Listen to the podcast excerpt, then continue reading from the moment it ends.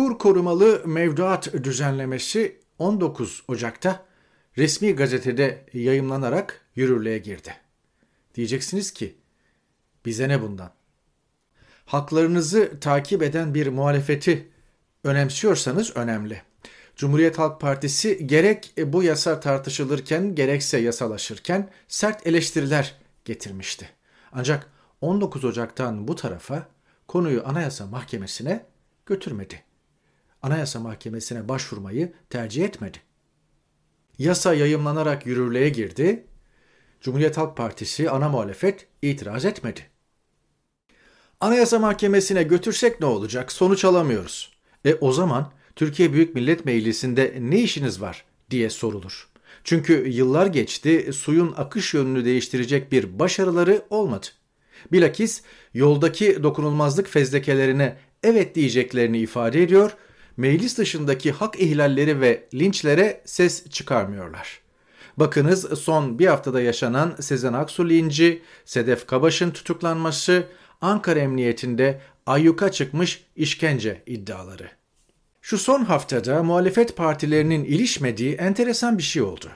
Çok açık ve tevil götürmez bir hedef göstermeyle Sezen Aksu için o dili koparmak görevimiz diyen Erdoğan, onu kastetmedim diyerek geri vitesinin sınırı olmadığını gösterdi. Saray iç ve dış kamuoyunda güçlü bir tepki geliştiğinde geri adım atıyor. Hatta tükürdüğünü yalıyor. Mehmet Altan bir yıl 9 ay tutuklu kaldığı Silivri'den çıktıktan hemen sonra babasını anlatırken şöyle demişti. Cezaevinde babamın yani Çetin Altan'ın Türkiye'yi benden çok daha iyi öngördüğünü anladım. Malum babam hapse girmemek için siyasete girip gözünden darbe aldı. Bir buçuk yıl hapis yattı. Bir gün bana Türkiye'nin geri vitesinin sınırı yoktur, dikkat et demişti. Tabi burada Çetin Altan'ın kastettiği elbette şuydu. Türkiye'nin yükseldiği, insanların umutlandığı zamanlar olmuştur. Hemen ardından öyle sert bir rüzgar eser ki ne olduğunu anlayamaz dibi görürsünüz. İnişli çıkışlı bir ülke. Erdoğan'ın geri vitesi ise farklı. Gücü, zoru veya kuvvetli bir karşı fırtınayı görünce tüm söylediklerini bir poşete koyup bunu peşine takılanların kucağına bırakıyor. Bu defa da öyle oldu. Geriye doğru bakın Erdoğan'ı böyle afallatan epey hadise görürsünüz. Ne çare hiçbir sonucu değiştirmedi. Üzerini silkeleyip sıradaki hedefine odaklandı. Bir yönüyle e, Sezen Aksu da sert kayaya çarptık ama Sedef Kabaş içeride. Elde var bir diyor. Öyle de oluyor. Sezen Aksu sen beni üzemezsin, kim yolcu kim hancı dur bakalım, beni öldüremezsin dizelerinin gücü, muazzam iç ve dış kamuoyu desteğiyle linci püskürttü.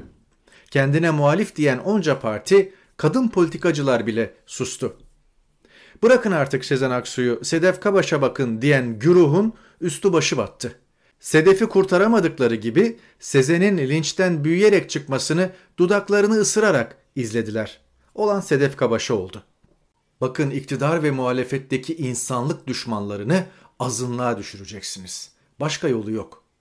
Kafalarını kaldıramayacaklar. İflah olmazlar. İkna edemezsiniz. Meydanı boş bulunca heyecanlanıp kendilerini ele veriyorlar. Ne ilk ne de son. Rejim karşıtlığında onlarla birleşemezsiniz. Ve geri vitesleri yok. Sıkışınca vitesi boşa alıyorlar.